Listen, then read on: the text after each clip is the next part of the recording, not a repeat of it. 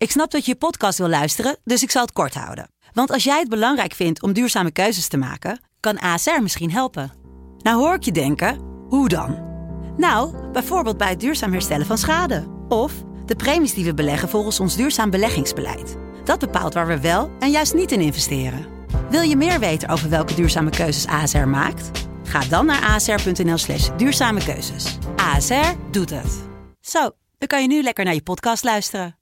De Pantelich podcast wordt mede mogelijk gemaakt door UdiBet.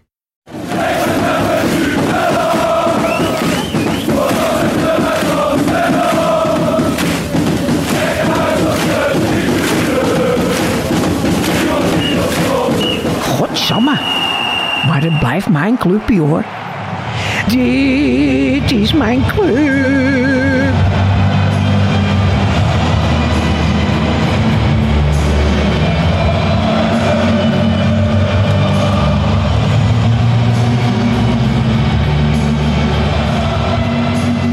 Zondag 18 februari en je luistert naar een nieuwe wedstrijdeditie van de Pantelis podcast. Jan Verdonk en ik, Thijs Zwageman, zijn er na 2-2 gelijkspel in eigen huis tegen NEC. Jan, een goede middag. Uh, deksel op de neus. Ja, we hadden het er net al uh, eventjes erover dat het eigenlijk geen goede middag Nee. was. Het is weer middag. Nee.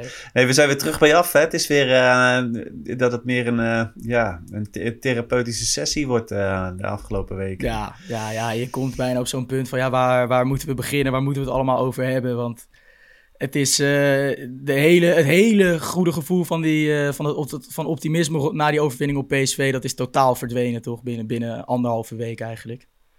Ja, en laten we nog eventjes eh, voor de duidelijkheid nog even herhalen dat het dus geen overwinning was. Dat is ons al een keer eerder verweten, maar het was een gelijkspel. Ja. Maar hij voelde, hij voelde wel als een overwinning nee, destijds tegen PSV. Ja, Ja, ja. maar eh, de hele week is er natuurlijk nu een, een roep geweest om een soort van meer ja, realiteitszin. Misschien wil je het druk zetten. ja. Hebben we vandaag daar een start van gezien? Ja, ja, ik denk het wel. En kijk, om heel eerlijk te zijn met, met, met de samenstelling en de spelers die je vandaag voorhanden had, had ik ook echt niet eh, verwacht dat ons een gala-voorstelling voorgeschoteld zou worden. Eh, dus in dat opzicht was natuurlijk een de overwinning die er toch aan zat te komen met die goal van Forbes. Dan dacht ik, nou dan is het echt een bonus dat je hier gewoon drie punten krijgt voor hetgeen je hebt eh, gepresteerd op het veld. Maar des te zuurder natuurlijk dat je hem dan in de laatste minuut nog, nog, nog ja, op, op, op zo'n manier weggeeft. Maar ik denk, ja, qua realiteitszin, eh dat, dat, dat we dat wel hebben gezien. Hè. Ajax probeerde iets compacter te spelen. eh, gaf daardoor ook wel iets minder weg. Ondanks dat NEC eigenlijk de hele wedstrijd toch wel de bovenliggende partij was. Zonder superveel kansen te creëren. Maar ja, die keuze wel logisch toch? Om iets, iets compacter te, te, te spelen en de troepen iets meer bij elkaar te houden. Ja, ik denk dat je wat, eh, wat minder, hoe zullen we het zeggen, enthousiast uh, drukzetgedrag uh, zag. Ja. Waardoor het, eh, daar, daar veel meer eenheid in, in denken was. En eh, dat zorgde er in ieder geval voor dat die linies we beter op elkaar aansloten. Ja. Gaf je nog, je kreeg natuurlijk nog steeds veel schoten tegen. Maar het was allemaal wel wat eh, ja, iets logischer. En waarschijnlijk ook wel iets waar je op, op verder kunt eh, Ja. bouwen de komende weken. Ja, ja, ik vond dat en ook wel iets wat wij hadden ook, ook zeiden eigenlijk in die wedstrijdeditie na Beudeu natuurlijk. Van ja, het heeft er niet heel veel denk ik zin om met deze selectie hoogdruk te gaan zetten, want je wordt helemaal uit elkaar gespeeld. Wat dat betreft vond ik wel opvallend dat Van het Schip nog zei eh, dat het grootste gevaar van Beudeu uit de counters kwam. Dat zei hij voor de wedstrijd tegen NEC. ja. Ja, dat is toch ook niet een hele rake analyse dan? Nee, maar ik, ik, ehm, hoe moeten we dit nou netjes zeggen? Dat is wel steeds een worsteling, vind ik, richting van het schip ook. Ja. Ik bedoel, hartstikke fijn, ik gun die man alles.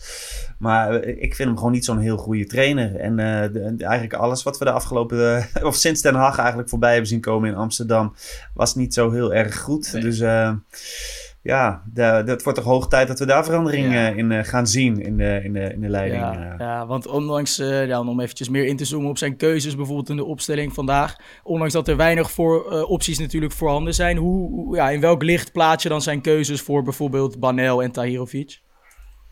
Ja, hij legt het zelf uit hè, door te kiezen voor, voor meer balvastheid hè, bij, bij Banel.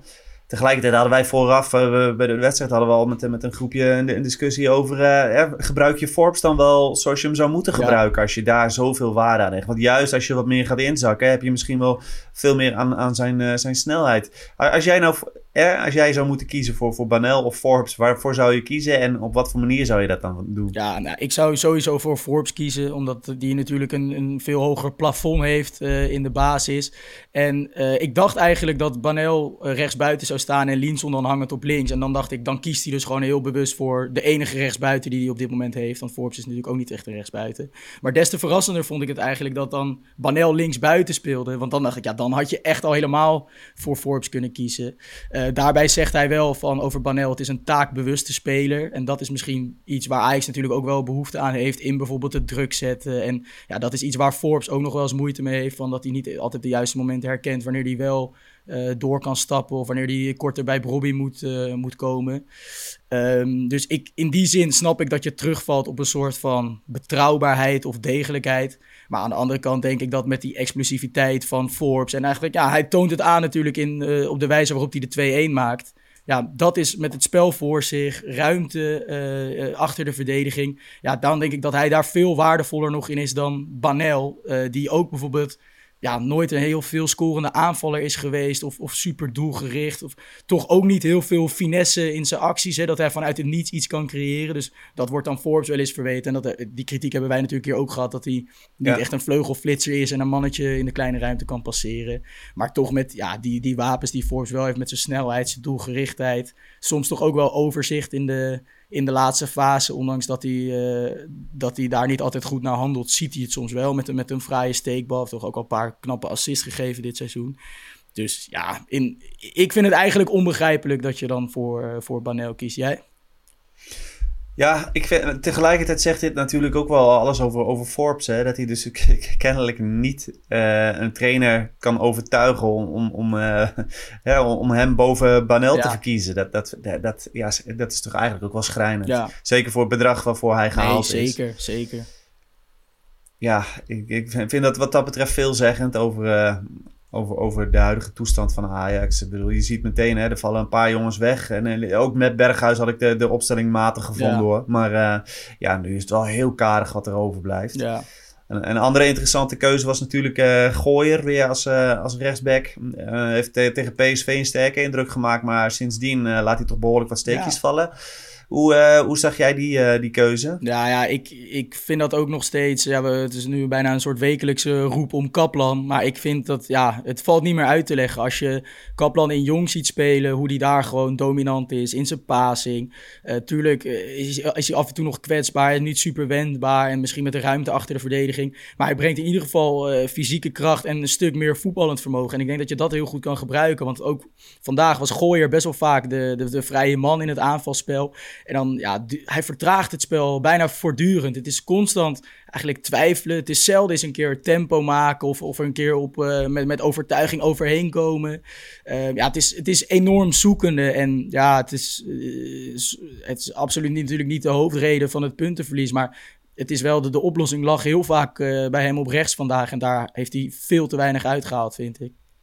Ja, en dan, uh, dan redeneer je nu nog vanuit balbezit. Uh, verdedigend laat hij... ja, hoe vind je hem... welke indruk maakt hij daarbij ja, op jou? Nou, ook niet super. Hij had zijn handen vol aan Sontje Hansen natuurlijk. een paar keer rare keuzes dat hij met een sliding besluit vol in te komen. Of heel, heel wild dan, in, in een duel dat je denkt van... Hou, hou eventjes iets meer rust, weet je wel. Hou, hou hem op, wacht, wacht tot je meer rugdekking hebt misschien.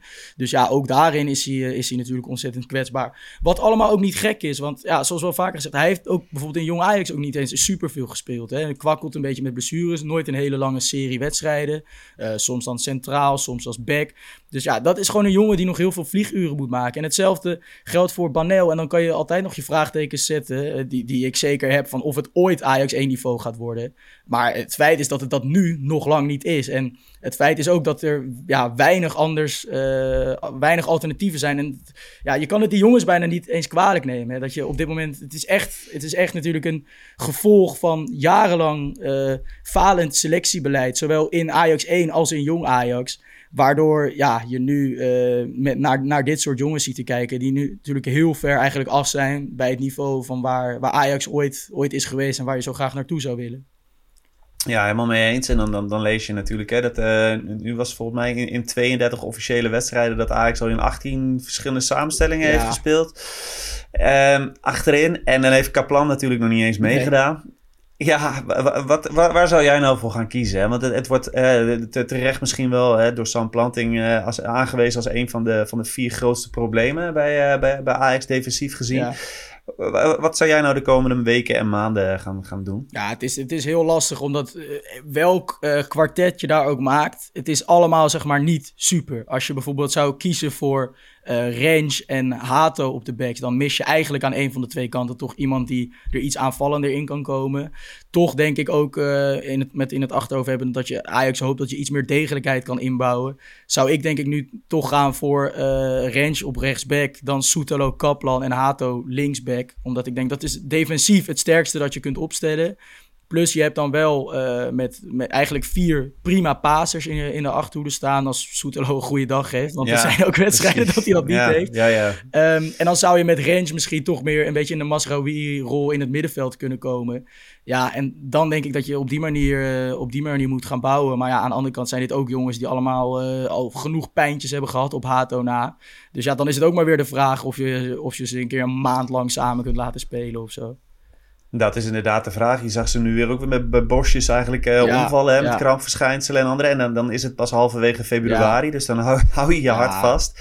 Maar ik ben het verder wel met je eens. Dit, dit is toch de, de achterhoede waar, je, waar de meeste muziek lijkt in zit. Mij... En ook richting komend seizoen waarschijnlijk wel de, de, de, het meeste lijkt mij wel. in zit. En als je dan ook nog erin slaagt om die linies inderdaad nog steeds wat, wat korter op elkaar te houden. Wat meer inzakt. En, en misschien zo op die manier Forbes en, en ja. of, of, een bergwijn zelfs meer in, in, in de kracht gaat zetten. Ja. Dan is dat toch wel waar we naartoe zullen gaan moeten, ja. denk ik. Uh, ja. Als we dan kijken naar wat, wat daarvoor gebeurde. Hè? Dus nu vandaag met Tahirovic op 6 en Henderson iets meer in de, in de 8 rol. Hoe zag je dat uitpakken op het middenveld? Uh, ja, Tahirovic, die, uh, ik denk dat hij de vorige keer dat hij speelde, was, maakte hij meer indruk. Ja. Vond ik een, ja, hij, hij, hij, won niet echt veel duels. Ik vond hem in de passing uh, niet, niet opvallen. Eigenlijk uh, heeft hij eigenlijk niks gedaan om, om, om eh, te bewijzen dat hij in die basis thuis hoort. Ja, en eh, je krijgt natuurlijk langzamerhand nu met Van de Bomen en misschien straks Manswerk. Ja die ons natuurlijk ook nog moet overtuigen in balbezit. Hè? Maar die krijgt hij wel zoveel concurrentie dat, uh, dat dat wel lastig gaat worden voor hem. Zeker met wat hij vandaag heeft laten ja, zien. Ja, hoe, hoe zag jij dat? Ja, toch. Ik vond hem, ik vond hem weer niet zo ver terugvallen als uh, echt de slechtste, slechte wedstrijden die hij een beetje voor de winter heeft gespeeld. Ik zag wel wat aanknopingspunten in dat hij af en toe wel een keer doordraaide. In plaats van wat hij vroeger natuurlijk heel veel uitkaatste of terugdraaien. Dus ik, zijn positionering in balbezit was daarin iets beter.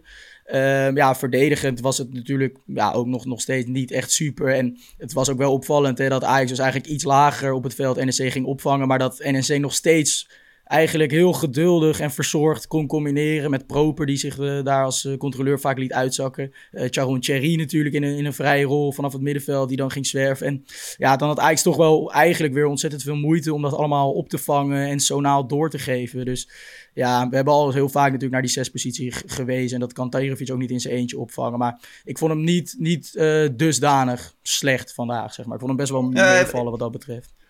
Ja, maar hij deed uiteindelijk ook niks om uh, zichzelf te onderscheiden. Ja. Ik, ik vind het ook wel interessant hè, dat bij, bij VI werd ook uh, aangeduid hè, dat Ajax uh, van de top 5 degene is die, die, de, die de bal het meeste verliest hè, op de eerste derde van het veld in de opbouw.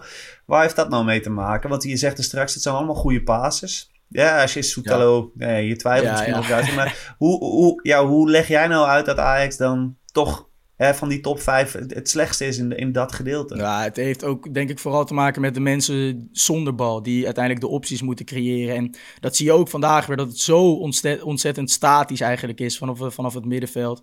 Uh, ja, we hebben het natuurlijk met Taylor laten zien in die aflevering van Pijltje en Pionnetjes. Die dan een beetje in die zone rondom Brobby en waar normaliter dan uh, Bergwijn staat. Ja, het is, het is allemaal zo statisch en traag. En dat is ook, vind ik vandaag ook wel weer bij, bij Henderson dan duidelijk worden. Als hij iets hoger op het veld staat. Heeft hij toch elke keer wel even net een extra aannametje nodig om het spel te kunnen verplaatsen. En vervolgens is uh, zijn passing wel, wel vaak zuiver en, en ja, in, in de loop en strak. En datzelfde geldt later voor Van de Bomen die dan invalt en met een paar crosspasses. En dat is allemaal, de passing zelf is wel zuiver, maar hoe snel je een bal klaar hebt liggen en hoe kort je kan draaien, dat is bij eigenlijk alle Ajax-middenvelders toch wel, uh, toch wel een probleem. Behalve misschien bij Taylor in goede doen. Maar ja, die goede doen is hij natuurlijk ook al een paar weken kwijt. Dus ik denk dat, dat dat probleem vooral in zit in, ehm, ja, in, de, in de positionering en het, de arbeid die men ook levert in het vrijkomen. En ja, dat, dat zijn natuurlijk ook weer patronen. Ik bedoel, je kan een middenveld laten uitzakken, buitenspelen aan de binnenkant. En die je ziet op zich wel de intenties, maar het gebeurt allemaal te laag eh, of te laat en op een te laag tempo. Ik denk dat daar eh, voornaamste problemen in zitten. Ik weet niet hoe jij die, die opbouwproblemen duidt. Nou ja, ik denk hetzelfde. Hè? Maar dan tegelijkertijd zit ik te bedenken, maar zou het dan een basisvoorwaarde moeten zijn in je selectie voor, voor die middenvelders, dat ze die handelingssnelheid wel hebben? Of kun je uh, misschien vol, volstaan komende zomer met één of twee poppetjes erbij en dan wel uh, zo'n zo mix maken van, van de mm. middenvelders die dat dan wat minder hebben en die, die het meer hebben? Ja, ja. ja. ik, ik zie het liefst zeker middenvelders die die handelingssnelheid natuurlijk wel hebben. Maar Tegelijkertijd hoeft het ook niet. Hè? Want eh, iemand als Schöne, die is ook nooit van het korte draaien geweest. Maar die heeft gewoon een hele functionele techniek. Waarin hij uh, zichzelf ook slimmer positioneert. En dan maakt het niet uit als je net een fractie van een seconde iets langer de tijd nodig hebt. om het spel te kunnen verplaatsen. Omdat je dan beter staat. en toch misschien met net, net iets meer ruimte de hele tijd aan de bal komt.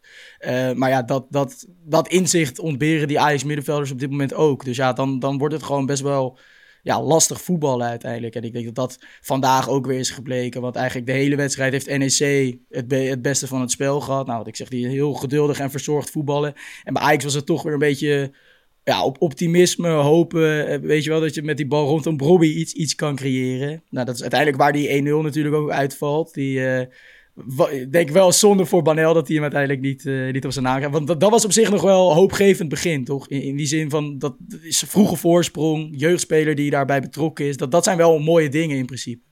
Ja, en dan hoop je dat, uh, dat NEC een kleine knak krijgt. Uh, en en, en dat, dat je van dat momentum gebruik kan maken. Maar tegelijkertijd, NEC doet het best wel prima hè, dit seizoen. Ja. Uh, het, uh, Feyenoord volgens mij ook hartstikke moeilijk mm -hmm. gemaakt. Dus het was ook niet een... vooraf al wist je al dat het niet een ploeg was waar je zo 1, 2, 3 even overheen zou lopen. Ja.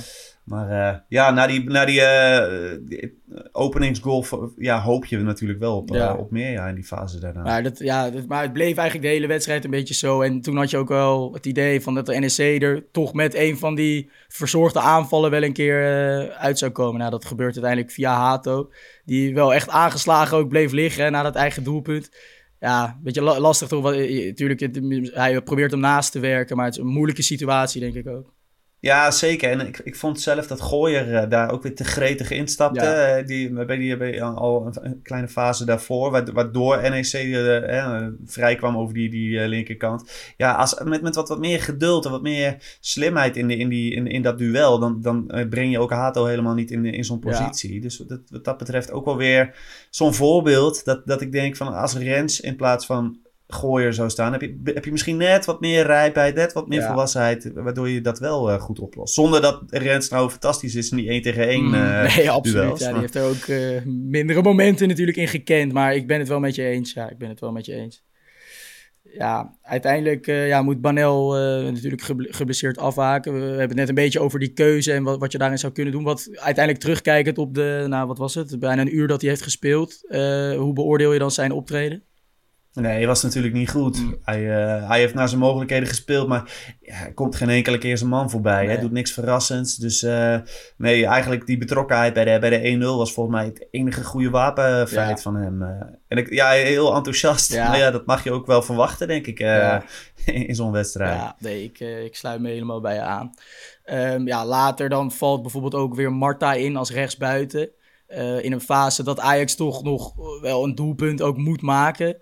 Um, Akpom blijft op de bank. Rijkoff valt uiteindelijk heel laat in. Zijn dat dan nog... Ja, moet Van het Schip daar niet dan ook andere keuzes in maken? Nou ja, ja, het werd wel een beetje veel van hetzelfde. Misschien heb ik, ik vind Marta echt wel lichter dan, dan Forbes, maar hij is wel een, een beetje vergelijkbaar type, denk ik. Ik, ja, ik weet niet of dat nou zo'n zo, zo slimme zet was. Nee. Maar ze achteraf natuurlijk makkelijk praten. Maar is het dribbles was het wel echt wel heel erg ja. karig, hè? En ik, ik bedoel, ik heb, ik heb Marta best wel eens betere acties zien maken ja, in jonge Ajax dan wat er nu. Want het, het, leek net als een, als een zeehond die voor het eerst een bal raakt. Ja ik, ik, ik, ja, ik vond het onbegrijpelijk om te zien. En dan had Akpom waarschijnlijk misschien wel meer kunnen brengen. Toch? Maar, en eh, ik denk juist ook in de manier, omdat je weet dat je dus niet pure dribbelaars echt op de bank hebt zitten. Ba Banel die dat natuurlijk niet is, Forbes die dat eigenlijk niet is, Marta die dat niet is. Kan je het toch wel in het laatste half uur misschien iets sneller op een beetje die opportunistische, over die opportunistische boeg gooien. Zoals je dat bijvoorbeeld uit bij Herenveen ook hebt gedaan. Ja, denk ik wel. En ik kijk, eh, als we naar onze concurrenten kijken, en op dit moment zijn dat gewoon AZ en, en Twente, die, die, hebben ook geen fantastische vleugels. Nee. Die hebben daar ook grote problemen. En, en toch eh, slagen die er soms wel, en zeker Twente, om, om, eh, om, om nog resultaten af te dwingen. Ja, Ik, ja, die, die, die- je moet toch misschien een beetje kijken naar de manier waarop zij dat doen. Ja, en dat is ja. eh, ook niet eh, via die vleugels. nee, nee, maar goed, dat is, eh, ik zat eh, toevallig dan de eerste helft van eh, Twente-Utrecht te kijken. En dan zie ik toch bij beide ploegen, die, die voetballen eigenlijk makkelijker dan Ajax op dit moment. Zeker. Dat is voornamelijk via het middenveld. En bij Utrecht heb je dan met Boet en eh Boussaïd wel ook handige jongens op de vleugels, die ook dan voornamelijk in het middenveld komen. Maar ja, dan denk ik ook van dit is qua veldspel alsnog best wel, lopen die echt een paar stappen voor op Ajax hoor. En dat is wel ook een schrijnende constatering natuurlijk zo. Ja, en eh, nou eh, is die samenstelling van Twente wel iets langer bij elkaar dan, eh, dan bij Ja. Ajax. Spelen, spreken misschien wat meer dezelfde taal ook. Ja, dat zal ook ongetwijfeld meehelpen. Maar, Ja. maar dan nog vind ik wel het schrijnend hoe, hoe groot dat verschil is inderdaad. ja. Nou ja, uiteindelijk toch ongeveer kwartier voor tijd lijkt Ajax er met de drie punten aan de haal te gaan als Schöne dat niet heel handig doet. Hè. Op het middenveld speelt Cherry in met, met twee man in de rug, Henderson die er kort op zit. Ja, Schöne, de aftakeling is toch ook wel begonnen bij hem, hè? Ja, Zonde eigenlijk om te dat- zien. Dat wisten we wel. Hij heeft natuurlijk eh, toen op een gegeven moment die periode gehad dat hij heel eventjes eh, eh, proef of, of ging meetrainen bij, bij Ajax. Dat sommigen nog hoopten op zijn, Ja. zijn terugkeer. Toen vonden we al van, nou ja, hij is er toch wel een beetje over zijn top heen. Ja. En nu zijn we natuurlijk inmiddels alweer een stukje verder. Ja, Ja, dan zie je het in, in- misschien in zo'n voorbeeld. Hè? Ja, ja, maar goed, dat is, je kan ook zeggen, goede druk van Ajax, Henderson die daar ja, doortastend ingrijpt. Brobby die uiteindelijk Forbes wegstuurt. En wat we dan zien, dat is ook eigenlijk een typische Carlos Forbes actie, toch? Ja, maar dat is eigenlijk zoals je hem dus zou moeten gebruiken. Ja, En dat kan dus als je inzakt en, eh, en, en wacht op die fouten bij de, bij de tegenstander. Ja. Ja. en dan, dan maar wat meer eh, de, de bal laat bij hem. Maar eh, ja, als je, als je hem in zijn kracht wil zetten, moet je hem denk ik zo gebruiken. ja, ja, maar dan toch weer dat hij die bal met zijn linkerbeen tegen zijn Ja. rechterbeen aantikt. En dan vallend, uiteindelijk nog knap dat hij hem vallend binnen weet Ja. te schieten. Maar het ziet er niet uit, het ziet er niet uit natuurlijk. Nee, helemaal niet. En, eh, nee, nee. Maar en, eh, kijk, ik vind het ook zo weinig voetbalgoch er dan in zitten als je Forbes en Marta dan zo bezig ziet. Ja. Op een gegeven moment ook dan, eh, even kijken, dan, dan valt Henderson dan eventjes, die is even eruit. Dan moet Van de Bomen dus Marta erop wijzen dat hij veel meer naar binnen Ja, moet staan. En denk ik, kom op, dat moet je toch gewoon zelf zien. En dat, ja, dat, dat soort dingetjes, die je, ja. Veel, veel spelintelligentie zit er dan ook niet in hè, bij die jongens. Nee, het was ook qua selectie en naam en hoe je uiteindelijk op het veld ook, ook staat en eindigt. Het was weer echt Frank de Boer eh, 2014, 2015 vibes, toch? Ja, ja, zeker.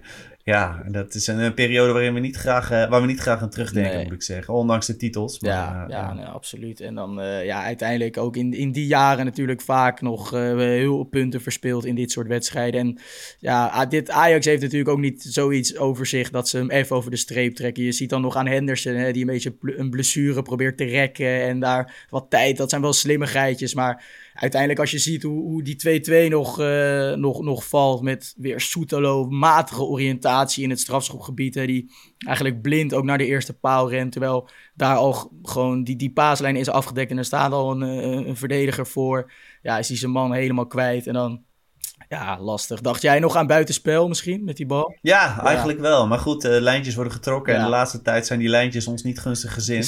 Voor de Dus- tweede week op rij. Ja, ja, dat, dat- zit dan in de hoek eh, van, van, de, van de klap. eh, dat, Ja. eh, om maar even een, fijn cliché te gebruiken. Nee, eh, ja, het is, eh, het is voor de zoveelste keer eh, dramatisch geweest. En, eh, maar ik denk wel dat het... eh, eh, Twente die, die verspeelde natuurlijk punten. Dan Ja. hoop je misschien nog ergens... Dan pak je het programma er weer bij. Ja. Maar ik denk dat het vanavond, of, van, van, van, eh, vandaag toch wel definitieve afscheid van die ambities is om, eh, om derde te worden. Of, eh, of zie jij t- toch nog ergens kansen? Nee, ik, ik denk het ook. Ik denk het ook. En zeker omdat eh, je natuurlijk nu echt met de personele problemen kampt. En wat ik zeg, dat ik gewoon bijvoorbeeld een Utrecht-Twente, dus zit ik te kijken. En die vind ik dan echt, eh, het gaat allemaal echt een stuk gemakkelijker dan, dan bij Ajax op dit moment. En ja, eh, Twente verliest dan nu punten, maar die zijn verder natuurlijk rede- redelijk stabiel. Uh, en ja, ik zie dit Ajax ook. Ajax wint geen, geen enkele wedstrijd makkelijk tegen geen enkele ploeg in de Eredivisie. Dus dit gaat ongetwijfeld nog wel vaker gebeuren. En ja, de enige voorwaarde om hoop te houden op plek 3 of zicht te houden op plek 3 is dat je zelf je wedstrijden blijft winnen. En dat gaat zo ongelooflijk moeizaam. Uh, dat, dat ik daar eigenlijk ook, uh, ook te weinig vertrouwen in heb. En ja, wat dat betreft was het vandaag ook echt een bonus geweest hoor. Als je met, met deze selectie en op de, met, met deze manier van spelen die drie punten binnenpakt. Wel een hele lekkere bonus. Uh, maar ik denk ja, gezien ook het hele speelbeeld is 2-2 niet meer dan terecht toch? Nee, dat klopt. En uh, het vervelende is ook dat je met, met zo'n selectie dan zoveel moeite hebt om afstand te nemen ja. weer. Dat je, dat je automatisch dan in zulke lastige situaties komt. Ja, uh, ja noem je nu weer. De volgende keer is het weer iemand ja. anders. Dat, die, die, komt steeds in die, die defensieve kwetsbaarheden of, of uh, onervarenheid terecht. waardoor ze die fouten blijven maken. En dan ook richting komende week en met Beuden en een zware reis voor de boeg. En daarna AZ. Ja, je houdt ook je hart vast. Want je ziet nu de, die, dat midweekse programma programma weer de intrede heeft gedaan. Die allemaal spelers met kramp en pijntjes wegvallen. Ja, je houdt echt je hart vast voor met wat, soort, wat voor selectie je volgende week naar Alkmaar uh, zal moeten afreizen. Ja, je moet gaan plakken. En uh, tegelijkertijd is het ook wel interessant hè, of, of Ajax misschien al een beetje strategische keuzes gaat maken. Want het is, zeker richting volgend seizoen. Welke spelers wil je speeltijd gunnen? Welke spelers moeten misschien nog net even tijd krijgen zodat ze eh, misschien hun marktwaarde verhogen en, en, te verkopen zijn? Ik, ik ben benieuwd wat voor keuzes daarin gemaakt worden. En of daar überhaupt uh, een rol voor is weggelegd in de besluitneming. Uh, maar ja, ja, geen idee. Ja. Nee, dat, ja, op die manier wordt het nog heel interessant natuurlijk om dit seizoen te blijven volgen. Maar op, sportief vlak gaat het, uh, ja, gaat het wel redelijk uit allemaal natuurlijk. Hopen dat, dat Ajax natuurlijk de Conference League nog een ronde verder komt. Maar ook dat zal ontzettend lastig worden donderdag op dat uh, ijskoude kunstgasveld. Um, voor nu nog eventjes naar het wedstrijdwoord. Die uh, werden weer massaal ingestuurd via X, Instagram. En de winnaar komt dit keer van Instagram, waar Cars kwam met nekslag. Ook verwijzend natuurlijk naar NEC. En een nekslag is het wel uh, als je hem in de laatste minuut zo tegenkrijgt. En ja, op die manier dus ook uh, plek 3 uit beeld ziet verdwijnen. Um, Jan, ik uh, wil jou voor nu weer bedanken voor deze wedstrijdeditie. Wij spreken elkaar de donderdag na Beude Glimt Ajax weer. Hopelijk dan wel met een, met een goed resultaat. Want dat kan iedereen rondom Ajax ook wel weer eventjes gebruiken. Dat optimisme moet weer terug. Ja, zeker. Ja, dus uh, nou ja, we gaan het uh, allemaal weer blijven volgen. Woensdag natuurlijk ook een reguliere aflevering van de Pantelich podcast. Uh, die zal vooral voorbeschouwen natuurlijk op Beuden. Ook terugblikken op, op NSC, wat we nu ook hebben gedaan. Dus blijf dat allemaal weer luisteren. En tot de volgende.